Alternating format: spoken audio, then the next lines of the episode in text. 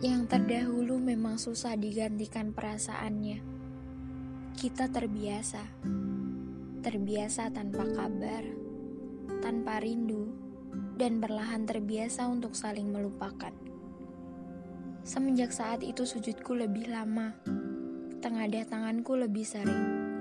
Berulang-ulang meminta semesta agar kita senantiasa bersama namun kita seperti kata, terhapus sebelum terucap. Aku menemanimu saat patah, tapi akankah orang lain menemanimu saat tumbuh? Ah, sudahlah. Sepertinya itu bukan hakku.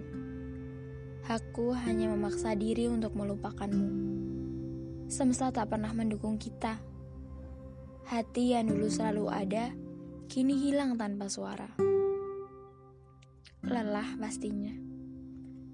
Sederhananya seseorang berubah karena dua hal pikirannya terbuka atau hatinya terluka.